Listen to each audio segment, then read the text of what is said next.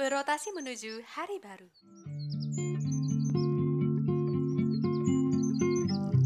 Sesaat lagi, kamu akan mendengarkan podcast Arunika. Selamat mendengarkan.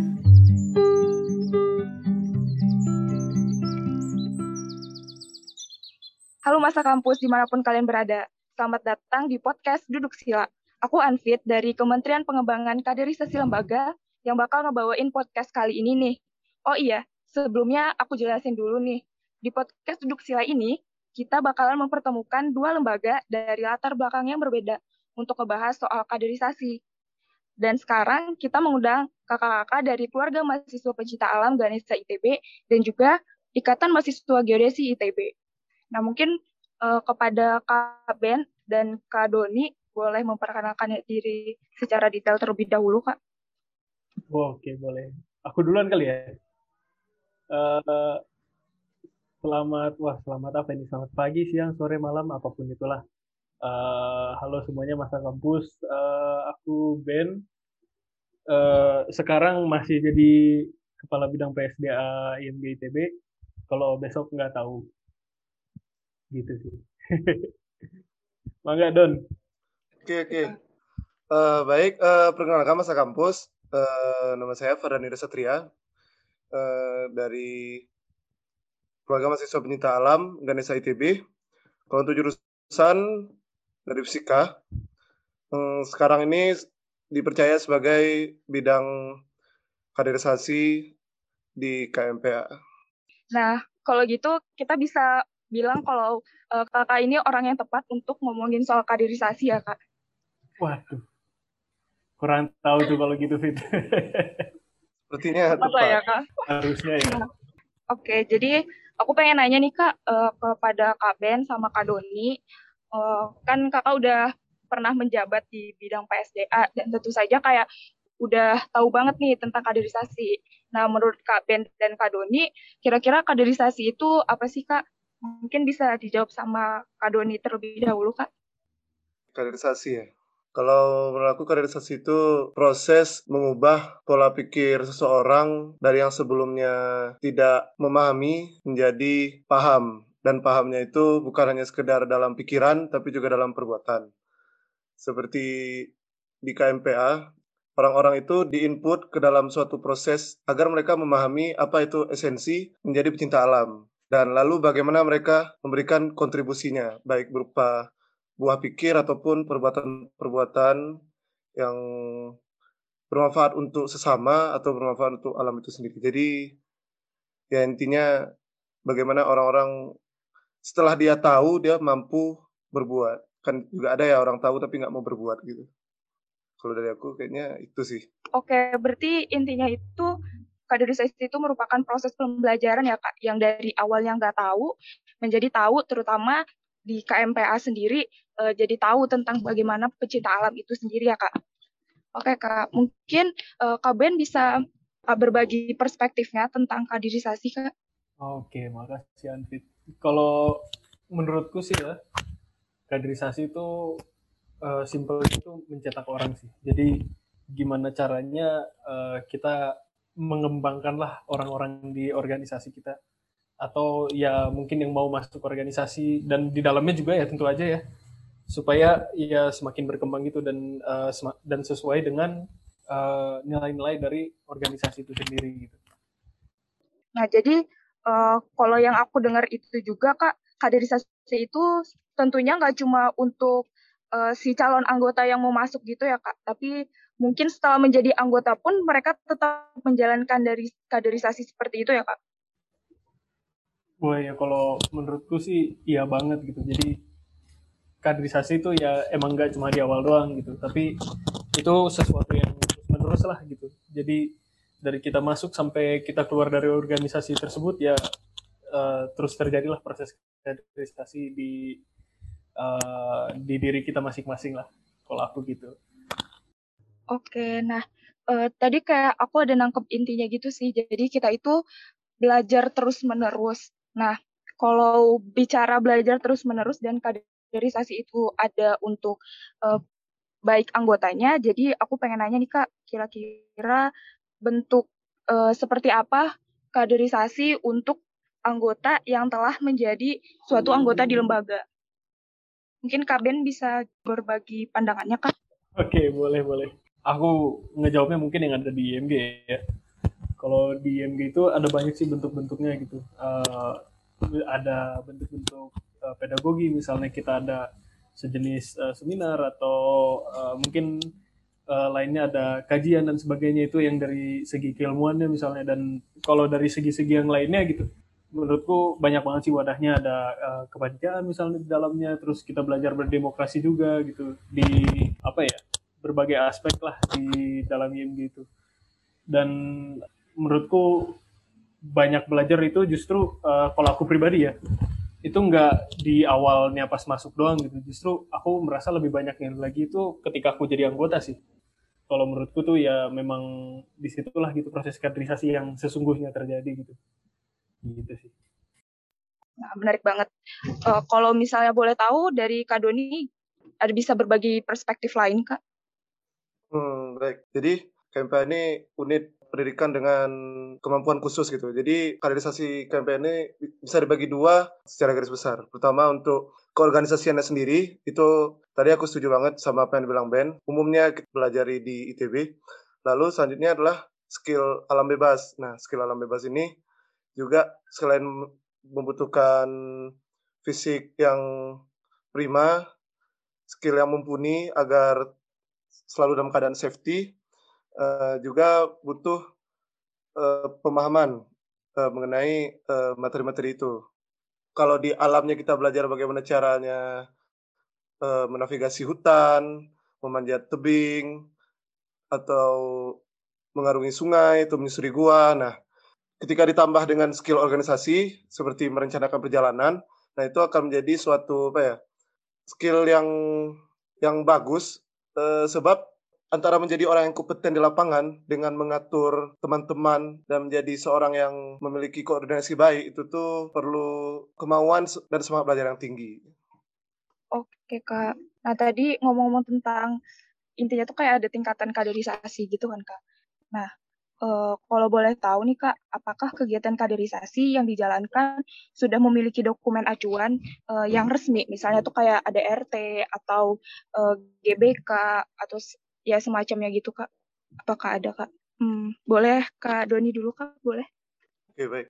Jadi kalau di KMPA kita ada beberapa acuan ya sebagai perancangan kaderisasi. Yang pertama itu jelas dari paling tinggi RUK KMITB.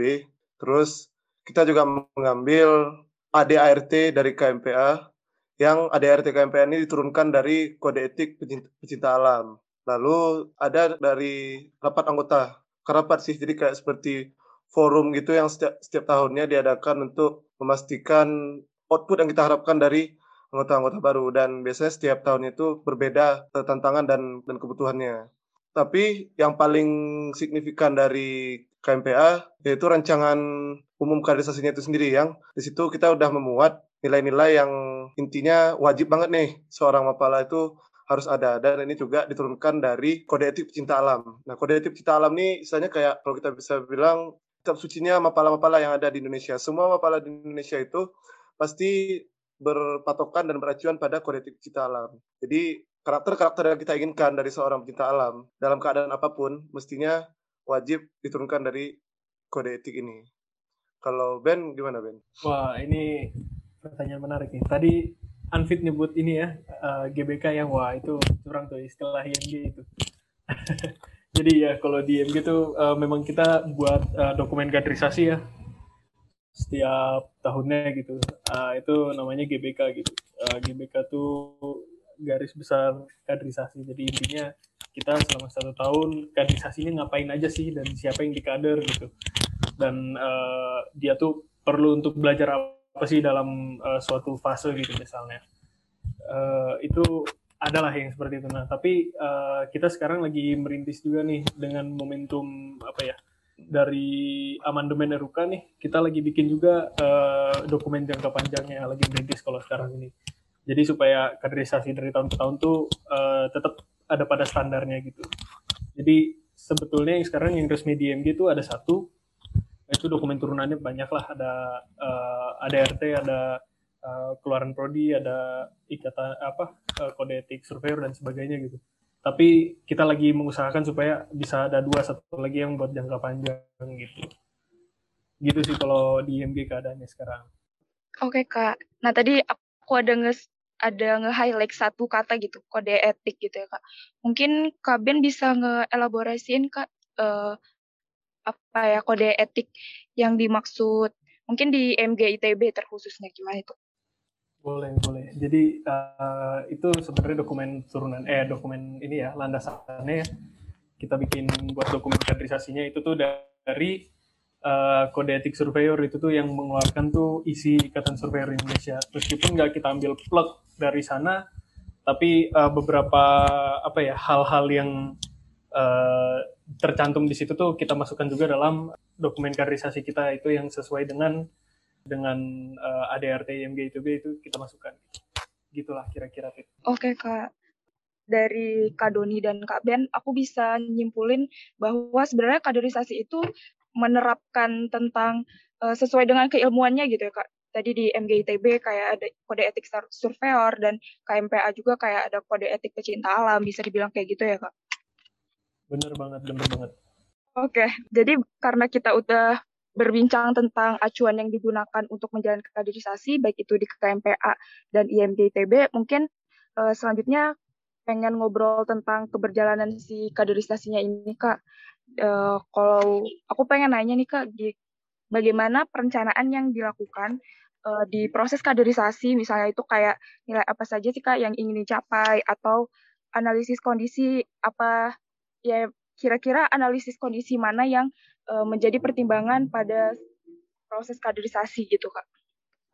Uh, mungkin Kak Doni bisa ngejawab duluan kak. Baik.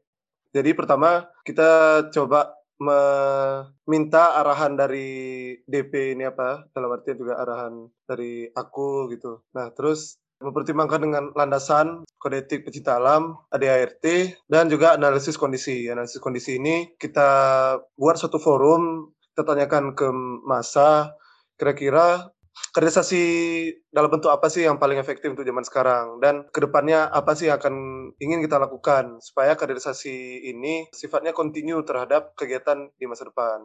Nah nanti setelah diperoleh, kita akan menjadikan itu sebagai latar belakang untuk melakukan kaderisasi. Karena latar belakang ini hadir, tentu bakalan menciptakan tujuan. Kita ingin menciptakan anggota yang seperti apa? Apakah anggota yang ingin fokus ke skill kepecinta alaman, ataukah anggota yang ingin fokus kepada isu-isu lingkungan hidup, ataukah anggota yang fokus kepada manajemen organisasi. Nah, itu semua kita tinjau dan kita coba berikan kira-kira sebesar apa porsi dari masing-masing tujuan itu yang nanti akan melahirkan profil.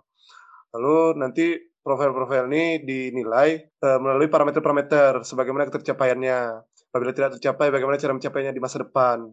Dan kita sesuaikan dengan materi. Materi memang untuk materi pecinta alam sendiri biasanya cukup standar di di pecinta alam pecinta alam lain yang ada di Indonesia Eh, paling nanti disesuaikan dengan profil yang kita inginkan atau tujuan yang ingin kita capai di masa depan.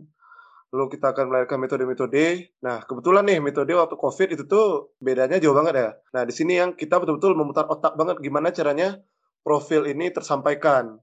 Coba dibayangin kita pengen memberikan profil berpikir kritis dalam tekanan di lapangan. Nah, sedangkan mereka kan tidak melakukan kegiatan lapangan gitu gimana nih metodenya supaya kira-kira sepadan atau kira-kira bersesuaian lah dengan profil yang kita capai. Jadi di kaderisasi KMPA itu kita juga punya tim Gladimula yang intinya mengeksekusi keberjalanan uh, kaderisasi tahap awal. Nah, nanti mereka nih yang bakalan pusing banget dan biasanya akan input beberapa kali di, diminta meminta inputan kepada masa. Lah, setelah itu barulah disesuaikan dengan kebutuhannya apa kebutuhan sumber daya manusia kah kebutuhan peralatan kah nah baru kita laksanakan kita laksanakan setiap pelaksanaan lakukan evaluasi lakukan evaluasi dan akhirnya diharapkan kaderisasinya selesai dengan ketercapaian parameter yang bisa dibilang cukup ya bisa dibilang cukup untuk menjadikan mereka pantas sebagai seorang pecinta alam. Oke, okay. uh, jadi kalau Kak Ben uh, bisa sharing kak pendapatnya tentang tadi nilai kaderis nilai kaderisasi dan bagian analkon mana sih kak yang bisa dipertimbangkan di uh, proses kaderisasi yang dilakukan di IMG ITB gitu kak? Oke, kalau dari aku prosesnya uh, yang pertama dari kami itu yang dilakukan adalah sebenarnya seorang lulusan sarjana teknik geodesi dan geomatika tuh butuhnya apa sih gitu? Tentunya kan uh, prodi itu punya ya uh, apa keluaran-keluaran prodi dan sebagainya, tapi uh, kita kalau ngeliat ketujuan HMJ sebagai uh, pelengkap pendidikan ya jadi kita berusaha untuk melengkapi itu. Nah bagaimana caranya kita melengkapi uh, yang ada di prodi itu? Nah uh, jadi kita cari dulu di situ uh, butuhnya apa. Itu metodenya banyak ya dari selain dari kita ngeliat dokumen kita juga uh, melakukan wawancara gitu ke beberapa alumni yang uh, udah berkarir ya dari di berbagai bidang gitu. Jadi nggak nggak cuma satu bidang aja misalnya nggak cuma yang jadi PNS aja gitu tapi ya macam-macam lah gitu backgroundnya. Jadi kita bisa ngeliat kira-kira uh, kita tuh uh, aku di IMG ya. Kalau di IMG tuh seorang lulusan sarjana teknik geodesi dan geomatika tuh butuhnya apa gitu? Itu yang pertama tentunya. Terus abis itu uh, setelah kita tahu kayak gitu tuh ya kita bagi-bagi lah ibaratnya gitu ke fase kaderisasi. Jadi ke ke berbagai tingkat lah kita lakukan penjenjangan gitu jadi untuk mencapai si tujuan akhir kita tadi uh, itu kita buat kayak anak tangga gitulah. Jadi tentunya kita nggak langsung tiba-tiba wah langsung jago gitu. Tapi ya dibuat perlahan gitu baby steps. Nah itu gimana caranya kita desain supaya uh, nggak terlalu berat di satu fase dan uh, tujuan akhir itu bisa uh, tercapai gitu. Itu kalau buat uh, perencanaannya kira-kira gitu. Kalau dari analkonnya itu biasanya ya kalau secara umum gitu di IMG itu analkonnya itu ngeliat dari uh, tahun sebelumnya gitu. Jadi tahun sebelumnya yang tercapai itu apa, yang kurang tercapai itu apa, dan uh, kita lihat akhirnya, oh tentunya kita pengen semuanya tercapai gitu. Nah yang kurang tercapai itu apa? Oh misalnya uh, A, B, C. Yang tercapai itu D, E, F. Maka di yang ke depannya uh, kita bakal lebih fokus di A, B, dan C supaya uh, nanti semuanya akan uh, tercapai pada akhirnya. Nah, jadi uh, setelah kita udah menyusun prioritas kita ya apa gitu, nah itu kan termasuk dalam analkon ya. Itu kalau di uh, kaderisasi secara umumnya. Tapi uh, kalau di kaderisasi yang awal ya, kita tentunya kan kita nggak tahu ya orang-orangnya itu backgroundnya seperti apa, terus mereka itu uh, inputnya intinya seperti apa gitu, input dari proses kaderisasi kita kan kaderisasi itu sebuah proses ya. Ada input, proses sama output. Outputnya tuh profil yang mau kita capai, terus prosesnya ya kaderisasinya gitu. Nah, si proses ini harus kita sesuaikan ke inputan kita gitu, alias terkadernya gitu. Jadi kita harus cari tahu dulu si terkader ini dia tuh sebenarnya seperti apa sih terhadap output kita gitu. Jadi kita harus lihat posisi dia ada di mana gitu. Baru prosesnya kita sesuaikan agar dia mencapai output yang uh, kita semua inginkan. Kira-kira itu yang dilakukan nanti. Oke kak, uh, lanjut ke pertanyaan selanjutnya kali ya kak. Nah tadi ada Kak Doni nge-state gitu tentang KMPA itu kayak mutar otak lah buat mencari metode yang tepat saat pandemi gitu ya kak. Nah kira-kira apa sih kak kendala uh, proses kaderisasi pada saat pandemi gitu kak, baik di KMPA maupun uh, di IMG ITB gitu kak? Berarti aku dulu yang jawab ya. Boleh, Kak. Eh, nah, yang paling ini kan KMP itu ya unit lapangan gitu ya. Berkegiatannya di lapangan full, bukan full sih. Sebagian besar di lapangan itu. Dan lapangan itu kita punya profil-profil keahlian lapangan yang mumpuni gitu. Atau mengambil keputusan dalam keadaan kritis, atau mampu melakukan tindakan darurat dalam keadaan keadaan tertentu. Nah, hal-hal ini kan nggak mungkin bisa kita dapatkan di online gini nih. Kayak misalnya si siswanya disuruh bikin api gitu. Coba kalian bikin api. Kalau online-online gini kan nggak bisa ya, dia mau bakar di mana gitu. Atau coba kalian bikin bivak gitu. Kalau online-online gini, ya gimana kira bikin bivaknya? Kira skill mereka bikin bivak tuh ya nggak ada. Kita mikirin gimana yang sepadan tapi konsep dasarnya masih ada. Jadi akhirnya siswa-siswa itu kita suruh bikin video saya kayak video simulasi saya kayak seperti membuat bivak ya udah coba coba kalian bikin bivak tapi di rumah dengan bahan-bahan yang kalian punya seadanya gitu. Tapi bentuk bifak yang kokoh. Nah, walaupun itu nyatanya tidak seperti yang kita inginkan, tapi minimal dasar-dasar dari apa yang akan kita lakukan di lapangan itu tercapai dan minimal mereka mampu membayangkan kira-kira kalau saya sedang ada di hutan apa sih harus saya cari gitu apa sih tahap-tahapnya? Nah terus juga selanjutnya masalah fisik. Kalau di KMPA ketika di Gladimula itu fisik betul-betul di gambling gitu. Dari seorang yang mungkin biasa-biasa aja yang pemalas olahraga sampai di KMPA itu orang dibuat jadi mungkin bisa dibilang manusia terkuat di kampus saat itu gitu. Nah, jadi akhirnya supaya mereka tetap kuat, nah mereka disuruh uh, latihan olahraga mandiri dengan metode yang strict, metode pembuktian yang strict. Misalnya kalau lari harus ada video sambil lari gitu. Menggunakan aplikasi yang spesifik supaya meminimalkan kecurangan atau ada latihan kolektif yang dihadiri oleh panitia. Intinya kami eh, pada akhirnya tetap sesering mungkin berinteraksi dengan dengan siswa, dengan yang terkader, tapi dengan bantuan eh, telekonferen seperti ini. Jadi kita juga akhirnya tercipta satu tujuan lain yaitu integritas. Nah, di mana kita bisa karena kita tahu ketika siswa itu nipu, gitu. Kita tahu ketika dia berbuat tidak jujur. Karena kita juga pernah jadi siswa, itu akhirnya juga menjadi nilai lebih. Terus kesulitannya lagi juga seperti memberikan rasa berpikir kritis. Nah, itu kan susah banget ya kalau seandainya online gini.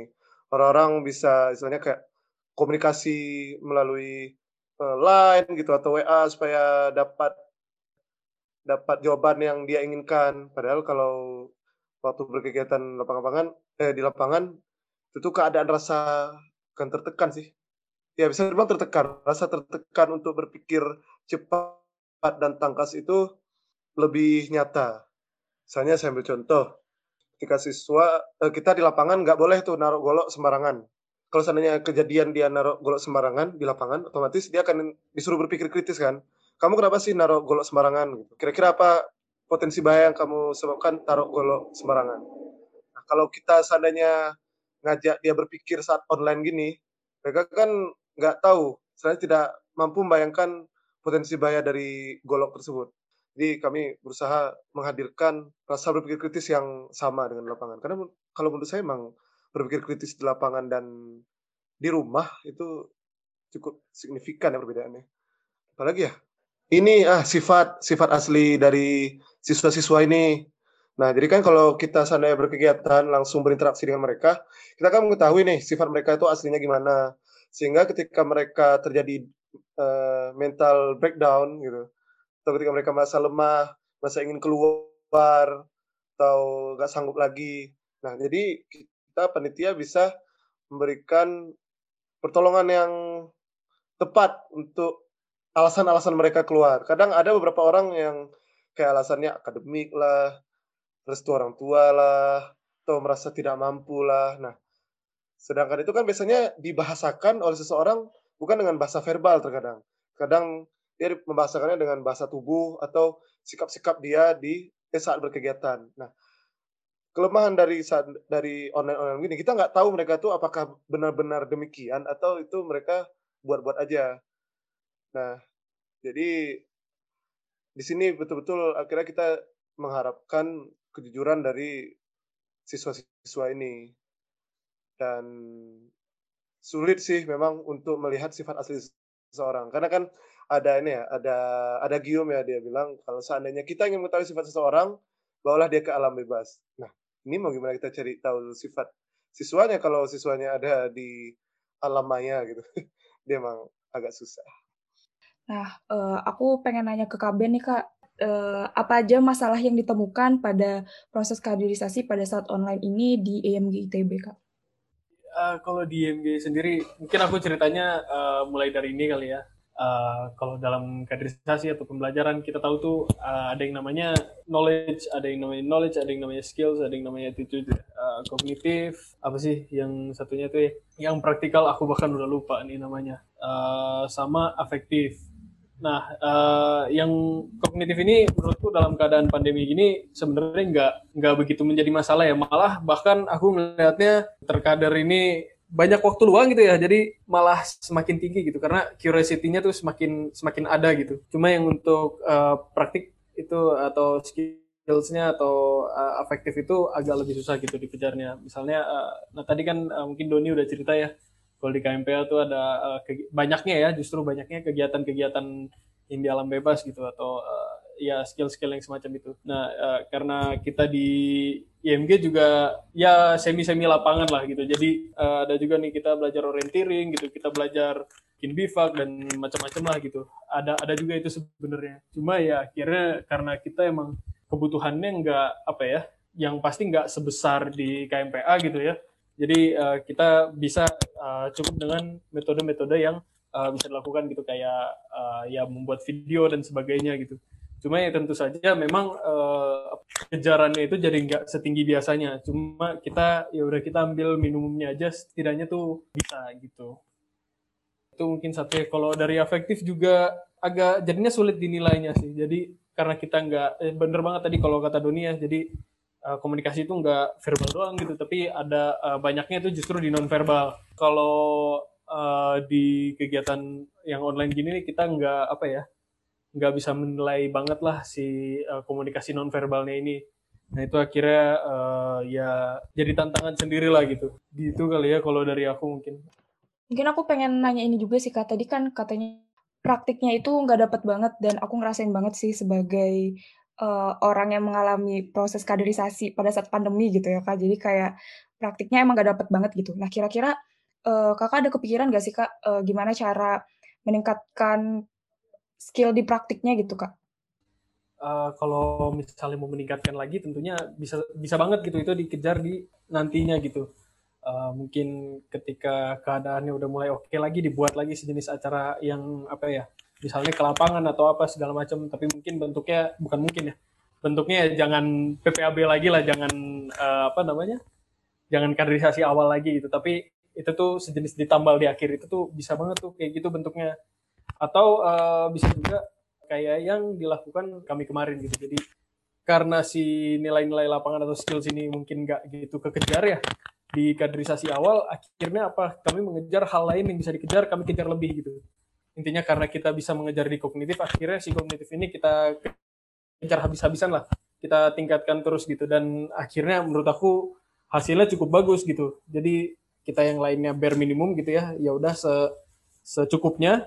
Maka yang lain nggak boleh secukupnya aja gitu. Harus kita tingkatin lagi gitu biar uh, lebih baik lagi gitu. Khususnya di yang bisa kita kejar. Gitu sih Fit. Oke keren sih kak dalam situasi kayak gini kepikiran gitu kak yang mana yang bisa dimaksimumkan dan ya tentu saja yang tadi kayak skill praktiknya itu pasti kurang gitu ya kak. Nah uh, tadi kayak ngebahas tentang apa ya anak 2019 nih kak yang sebenarnya uh, apa ya angkatan yang mendapatkan proses kaderisasi pada saat pandemi dan online gitu secara online. Nah, kira-kira nih Kak, kalau misalnya ntar angkatan 2020 udah bisa offline nih Kak proses kaderisasinya gitu kan. Nah, tapi ya berarti angkatan 2019 ini sebagai calon pengkader gitu ya Kak. Nah, kira-kira apa sih Kak yang perlu disiapkan uh, ke angkatan 2019 agar bisa nih Kak ngekader offline si angkatan 2020-nya Kak? aku dulu apa Doni dulu nih? Boleh Kak Ben dulu Kak. Sebetulnya sih nggak banyak yang harus dilakukan karena uh, aku sendiri percaya kalau uh, meskipun akan berbeda gitu ya dengan kaderisasi online gitu atau uh, yang langsung, tapi menurutku hasilnya tetap baik gitu, tetap tetap bisa dianggap sebagai kader yang seutuhnya gitu. Jadi kalau di IMG tuh nggak nggak ada perbedaan antara anggota lah. Kita anggota semuanya anggota gitu nggak nggak ada yang dibeda-bedakan. Jadi uh, paling ya kalau di IMG itu ya adanya tingkat kaderisasi gitu ya. Itu hal yang wajar gitu. Tapi secara apa ya secara kedudukannya gitu. Atau secara formalnya uh, nggak ada nggak ada perbedaan gitu antara anggota. Jadi semuanya sama. Jadi ketika akhirnya uh, teman-teman yang melalui kaderisasinya itu secara daring ketika mau mengkader secara langsung ya itu uh, nggak nggak harus melalui proses-proses tertentu gitu karena semuanya uh, sama gitu di MG Uh, cuma mungkin ini ya bisa lebih ke apa ya belajar dari apa yang dilalui sebelumnya gitu. Karena karena kan teman-teman di sini uh, mungkin nggak nggak tahu gitu ya uh, sebelumnya itu dilakukan seperti apa. Tapi nggak harus dicontoh plek sebelumnya itu seperti apa gitu. Tapi uh, mungkin buat referensi aja oh uh, dulu tuh bisa kayak gini bisa kayak gini bisa kayak gini. Tapi nggak uh, yang tentu eh yang pastinya tuh uh, bukan berarti karena dulu dulu seperti itu maka sekarang harus seperti itu gitu. Tapi itu mungkin kayak ngeliat dari pengalaman aja gitu. Mungkin ada evaluasi-evaluasi apa gitu. Oh yang ini kurang baik nih jangan lakukan atau oh mungkin yang ini berhasil nih bisa dilakukan. Nah semacam semacam itu oke kak Ben aku setuju banget tuh kak yang tadi kakak ngestat uh, kayak belum tentu uh, suatu metode itu dapat diterapkan di metode selanjutnya gitu kan dan belum tentu relevan juga gitu ya kak karena tiap tahunnya itu berubah gitu Mungkin ke ke Kak Doni Kak, gimana Kak uh, pendapat Kakak tentang uh, angkatan 2019 yang bakal ngekader nih Kak, angkatan 2020 kalau misalnya angkatan 2020 bisa dikader secara offline gini Kak? Ya baik. Uh, jadi untuk angkatan 2019 kalau di KMPA saya pribadi melihatnya uh, mereka cukup siap sebenarnya, tapi mereka tidak percaya diri gitu. Karena apa yang mereka alami dengan apa yang menjadi tantangan mereka itu tuh kayak berbeda gitu kan. Mereka mengalami kaderisasi di lapangan, tapi di satu saat nanti mereka harus menyesuaikan uh, bentuk kaderisasinya. Sekarang di KMPA sendiri, uh, kegiatan lapangan itu adalah bisa dibilang inti dari pencipta alam itu sendiri. Memang bukan sebuah keharusan, tapi yang namanya pencipta alam pasti melakukan kegiatan lapangan. Nah, dari yang saya lihat di angkatan 2019, memang mereka tuh tahu bagaimana cara melakukannya, tapi mereka tidak percaya diri. Hal ini mungkin relevan dengan standar tinggi KMPA terhadap keselamatan itu. Kita di KMPA mengenal istilahnya uh, rasio perbandingan anggota yang kompeten dan tidak kompeten untuk melakukan kegiatan lapangan. Nah, ketika seseorang merasa tidak kompeten, maka rasio keselamatan ini akan menurun. Nah, ini juga akan membahayakan kegiatan di lapangan. Jadi apa yang akan kami lakukan? kami akan coba memberikan angkatan 2019 ini kepercayaan diri lebih meyakinkan mereka kalau mereka itu udah mampu berbuat seperti uh, yang dilakukan dahulu-dahulu khususnya kegiatan di lapangan. Lalu untuk yang non lapangan seperti keorganisasian itu 2019-nya saya rasa cukup percaya diri terhadap kepanitiaan yang begitu-begitu atau diskusi lingkungan hidup, mereka cukup, cukup percaya diri dan kami juga yakin dengan kemampuan mereka. Lalu juga kami akan menemani mereka nanti seandainya mereka butuh bantuan ke lapangan. Nah, jadi uniknya di KMPA juga kita alumni-alumni dari KMPA masih mau untuk turun ke lapangan. Nah, jadi harapannya nanti yang sudah menjadi alumni ketika angkatan 2019 yang membutuhkan bantuan di kegiatan lapangan, uh, alumni bisa membantu uh, menemani supaya selain meningkatkan safety juga menambal kekurangan-kekurangan skill lapangan pada generasi yang baru tidak sempat kita capai. Oke kak, jadi kepada angkatan 2019 gitu ya kak, jangan minder ya. walaupun angkatan bisa dibilang angkatan yang mengalami kaderisasi online gitu ya kak, kalau misalnya kader 2020 secara offline gitu ya kak. Karena bakal ada cutting-cutting yang bisa dimintai pendapat dan bisa membantu juga gitu ya Kak. Ya benar sekali. Soalnya kita kalau di KMPA, ya, jadi seandainya ada kegiatan yang terpaksa banget tapi tidak safety, itu apa pun bakalan diusahakan untuk safety. Oke Kak. Um, aku pengen ke pertanyaan selanjutnya kali ya Kak. Jadi tadi kayak ngomong tentang kaderisasi online, terus yang angkatan 2019 gimana cara mengkaderisasi kalau nantinya offline. Nah, aku jadi pengen tahu sih Kak, apa evaluasi terbesar pada keberlangsungan kaderisasi eh, pada saat proses kaderisasi online gitu Kak? Wow, menarik. Uh, jadi evaluasi yang terbesar adalah meskipun ini udah terprediksi dari awal ya, tapi karena kita buru-buru juga dan keadaannya juga uh, kita nggak pasti kapan dan uh, apa ya maksudnya nggak pasti kapan selesainya ya dan kita juga apa ya ya pertama kali menghadapi ini dan langsung gitu ketika kita mulai menghadapi kondisi yang seperti ini akhirnya uh, yang kami susun itu mungkin uh, si metode-metodenya ini belum teruji dengan baik lah. Jadi itu yang jadi hal yang mungkin uh, agak disayangkan lah karena kita mencoba-coba metode lah selama uh, awal-awal itu. Tapi udah mulai ke tengah dan udah mulai ke akhir itu kita mulai tahu oh yang works tuh ini gitu yang tidak work tuh ini gitu. Kira kita bisa memilah gitulah proses kaderisasi apa sih yang perlu dilakukan gitu gitu sih kalau dari aku evaluasinya berarti ya uh, kurang referensi aja sih. Oke kak. Nah aku pengen tahu nih kak dari kak Doni kira-kira apa evaluasi terbesar pada keberjalanan kaderisasi secara online gitu kak di KMPA? Oke, uh, paling aku tuh setuju banget ya sama Ben masalah metode. Itu kita metode coba-coba. Kita juga hubungi semua mapala di Indonesia kayak mereka, wah kami juga bingung gitu, kami tidak tahu ini harus bagaimana. Akhirnya coba-coba asalkan bisa dieksekusi asalkan bisa tercapai. Nah nanti paling evaluasinya sama kayak dibilang Ben tadi pilah-pilah metode yang benar-benar mendatangkan efektivitasnya tinggi pilah-pilah yang metode yang seperti itu. Sama juga e, nanya-nanya ke e, mapala lain yang istilahnya memiliki kondisi yang sama. Nanti kita coba tanya ke mereka gimana untuk mendapatkan profil yang kita inginkan dengan metode yang sesuai. Lalu juga terkait dengan profil. Nah, apakah nanti profil-profil yang lapangan itu harus banget ke depannya uh, setinggi itu ataukah profilnya bisa dikurangi? Kemungkinan juga target kita di dalam organisasi juga akan berubah. Nah, sebelumnya kita lebih berpikir, oh kita harus lapangan banget nih kalau untuk jadi seorang pecinta alam. Eh, tapi ke depannya, oh kita nggak perlu lapangan banget lah, kita bisa mengimplementasikan ke kecintaan kita kepada alam dengan gerakan-gerakan yang lebih online gitu atau kita bisa membuat acara-acara yang lebih berdampak namun online gitu. Nah, itu tuh nanti bisa betul-betul disesuaikan dengan kebutuhan ke depan. Karena mau tidak mau pandemi ini emang akan ya itu tadi mengubah cara berpikir kita terhadap organisasi. Ini aku ada data dari KM ITB gitu ya Kak mengenai TPB 2020 gitu. Di mana katanya TPB 2020 itu anxiety attack-nya tuh tinggi gitu Kak. Jadi mereka uh, kurang suka dengan tekanan. Nah, kira-kira uh, apakah metode yang tepat gitu Kak untuk angkatan 2020 yang sesuai dengan uh, karakteristik generasi Z juga gitu Kak. Kira-kira gimana tuh Kak? Boleh Kak Doni dulu Kak?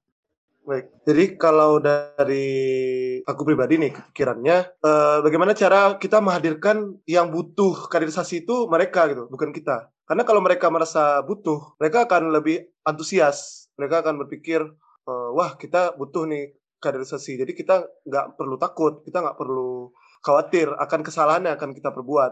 Kalau kita berbuat salah ya itu konsekuensi kita, bukan eh, kita berbuat salah ya udah kita hancur, kita binasa gitu, bukan.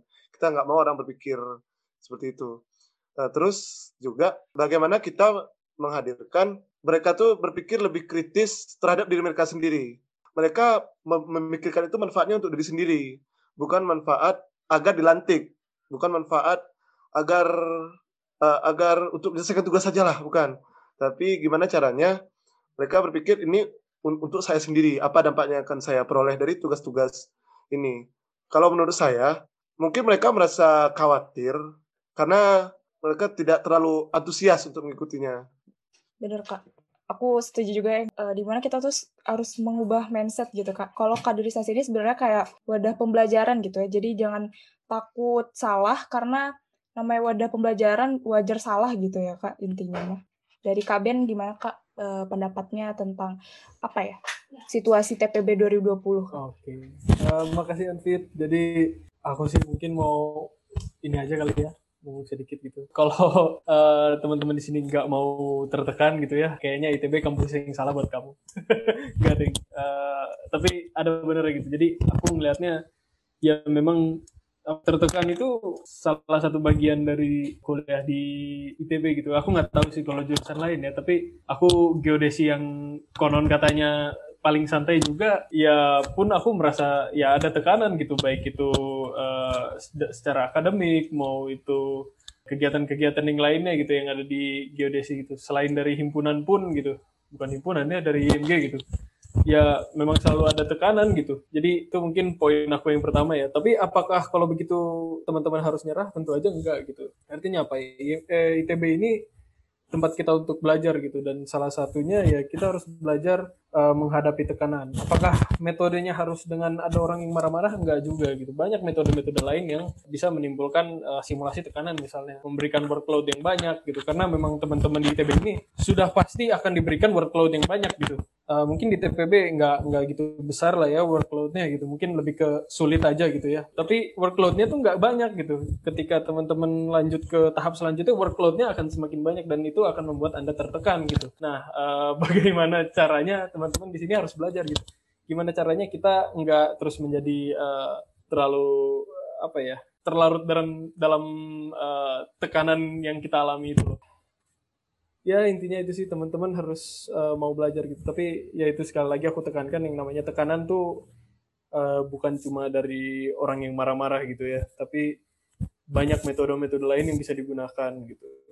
Jadi nggak nggak harus ada uh, senior senior marah-marah gitu. Tapi banyak caranya. Apalagi kalau ini ya kalau kegiatannya daring ya agak aneh ya kalau ada yang Eh, marah-marah yang berlebihan gitu. Mungkin uh, nada yang tegas atau uh, serius itu ya wajar lah gitu. Karena itu yang kita alami uh, dalam kehidupan kita berkuliah lah. Tapi tekanan-tekanan yang yang metode-metode lain inilah yang harus kita agak lebih banyak. Kalau aku dari uh, sudut pandang pengkader tuh seperti itu ya. Terus itu tuh nggak berhenti di kuliah doang gitu tertekan kamu gitu. Aku uh, ini aku tinggal nih sama uh, beberapa alumni lah. Itu ada ada ada yang dari geodesi gitu, ada yang dari geologi juga. Uh, ini semuanya udah lulus ya kayaknya aku doang yang belum lulus di sini, paling muda sendiri. Padahal udah tua aku. Itu aku melihat semuanya nggak ada yang nggak tertekan gitu. Jadi emang semuanya tertekan gitu. Setelah lulus pun ya akan tertekan gitu. Nah uh, kalau kata mungkin uh, teman-teman di geologi itu suka bilang apa no pressure no diamond ya. Ya menurut gue itu benar juga gitu. Jadi ketika kita berada dalam tekanan ini di situlah kita belajar gitu. Oke kak. Benar-benar. ITB itu di mana kita belajar aja udah tertekan gitu ya kak. Jadi uh, kaderisasi kaderisasi ya sebagai apa ya gambaran lah gitu ya kak. Jadi ya jangan takut jangan takut buat salah tadi intinya. Karena ya proses kaderisasi itu tempat kita belajar intinya. Nah, jadi aku pengen nanya lagi, apa sih Kak saran untuk pengkader selanjutnya dengan kondisi TPB yang tadi kayak anxiety attack-nya itu tinggi, terus apa ya tadi uh, aku juga baca kayak mereka belum punya visi tujuan hidup yang jelas. Kira-kira gimana sih Kak untuk saran untuk pengkader selanjutnya gitu? Dari siapa nih? Oh iya boleh deh kak dari Kaben dulu kak. Oke oke. Kalau dari aku melihat uh, kondisinya berarti ya kalau dari peta awan itu dilihat oh teman-teman TPB 2020 ini mudah tertekan dan ketika tertekan sangat tertekan gitu ya. Uh, kalau dari aku sesimpel ya berarti pengkader ini harus memberi tekanan justru supaya apa supaya teman-teman TPB 2020 ini berkembang gitu ketika menghadapi tekanan akan seperti apa gitu kembali lagi ya aku tekanin sekali lagi nih bener-bener aku tekanin yang aku maksud tekanan itu bukan hanya uh, marah-marah gitu. Itu menurut aku udah outdated lah. Uh, bukan bukan di situ gitu. Tapi berilah tekanan-tekanan yang lain gitu. Uh, yang yang lebih real gitu. Jadi teman-teman tuh uh, yang TPB 2020 ini akan beneran merasa oh saya bekerja di bawah tekanan gitu mungkin uh, kalau teman-teman di KMPA udah jelas lah ya gitu ya mereka tuh udah di alam gitu itu aja kamu bukan ditekan sama manusia gitu kamu ditekan sama alam gitu. Itu udah udah paling apa ya paling menekan lah itu. Nah kalau mungkin dari teman-teman lembaga yang lain tuh uh, ya kita buatlah tekanan yang menyerupai dengan keilmuan kita atau uh, bidang kita yang kita tekuni gitu. Uh, ya pasti banyak lah teman-teman tahu gitu apalagi yang kalau udah mahasiswa-mahasiswa tingkat akhir gitu sering ngobrol sama alumni tau lah kira-kira tekanan yang dihadapi itu seperti apa gitu. Nah, silakan simulasikan itu gitu yang kayak gitu. Jadi akhirnya teman-teman TPB 2020 ini berkembang gitu dan mereka menghadap bisa beneran bekerja di bawah tekanan yang real. Gitu. Nah, uh, mungkin aku boleh nanya ke Kak Doni Kak, uh, apakah ada saran gitu Kak untuk pengkader uh, di KMPA selanjutnya gitu Kak? Oke, uh, aku coba jawab. Kami sebenarnya di salah satu metode online ini itu membentuk suatu grup mentoring ya eh, yang di mana satu orang eh, satu atau dua orang senior menemani beberapa orang calon anggota gitu. Kalau aku ingin menitipkan metode seperti ini tolong dilanjutkan. Soalnya itu akan melahirkan kedekatan antara cutting dan uh, yang terkader calon anggota. Nah, ketika mereka udah merasa dekat, mereka ini cenderung akan mengutarakan apa yang mereka pikirkan, apa yang mereka khawatirkan secara lebih jujur, secara lebih terbuka. Nah, kalau mereka udah merasa ada di dalam lingkungan aman dan nyaman seperti ini, uh, aku rasa kita bisa meng, apa ya, memberikan saran dalam bentuk apa pun dan itu mereka akan lebih mendengarkan, mereka akan lebih merasa kita bersahabat dan mereka akan terasa lebih membutuhkan kita. Kalau mereka membutuhkan kita, mereka tidak akan khawatir dengan kita apakah itu kita marah karena mereka berbuat salah atau kita kecewa karena mereka uh, tidak menyelesaikan tugas dengan baik. Itu tuh mereka akan lebih mengerti dengan kita dan menurut aku itu tuh walaupun dalam keadaan online online ini cukup efektif, cukup e-, efektif, mungkin bisa diteruskan Uh, karena kalau aku, kalau aku lihat ya TPB 2020 ini mungkin memang butuh sosok uh, senior kandung atau abang kandung atau kakak kandung gitu.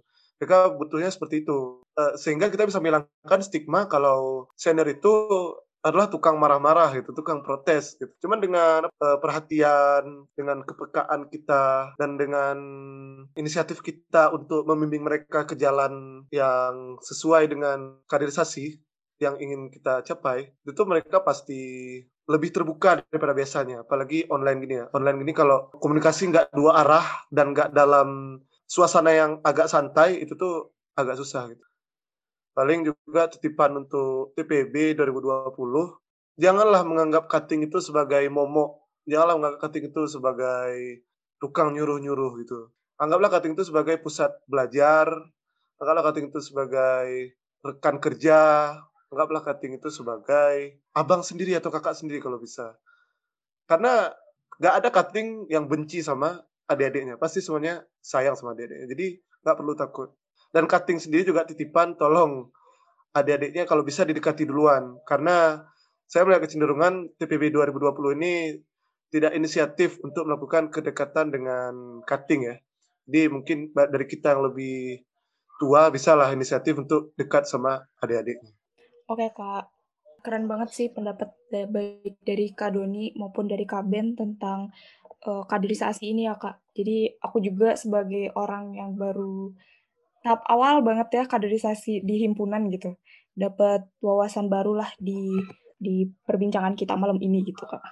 Nah, karena udah di penghujung waktu, uh, aku pengen deh Kak, mungkin dari Kak Ben dan Kak Doni kalau bisa kedua-duanya sih kak ada closing statement gitu kak mengenai quotes atau pesan atau apa pun gitu kak dari aku sih buat pengkader ya uh, ayo kita sama-sama buat sistem yang uh, works lah di masa-masa yang kayak gini dan ayo kita uh, mau mengembangkan uh, apa ya terkader kita gitu ya baik itu yang uh, kader awal maupun uh, kader yang udah menjadi bagian dari kita lah atau anggota kita yang kaderisasi lanjutannya gitu. Itu buat pengkadernya, kalau buat terkadernya eh, jangan menutup apa ya, jangan menutup hati lah terhadap eh, kaderisasi yang dialami karena eh, itu semua sebuah proses gitu untuk eh, mencapai peningkatan lah terhadap uh, diri teman-teman ini gitu. Memang uh, kadang-kadang kaderisasi itu berat ya karena kita melaluinya tuh emang nggak emang nggak mudah gitu. Tapi uh, balik lagi gitu tanpa adanya uh, proses yang berat ini kita tuh bakal stagnan aja segitu-segitu aja gitu. Jadi uh, ayo kita kerjasama gitu baik itu pengkader maupun itu terkader gitu untuk saling mengembangkan diri gitu deh kalau dari aku. Oke Kak Ben mantap. Kalau dari Kak Doni boleh Kak? Oke, jadi kepikiran. uh, untuk pengkader, mungkin udah saatnya kita meninggalkan metode-metode kolot yang kira-kira tidak relevan dengan kebutuhan terkader yang sekarang. Mari kita coba hadirkan bagaimana mereka uh, adik-adik kita ini merasa butuh akan kaderisasi. Bukan kitanya yang butuh anggota tambahan.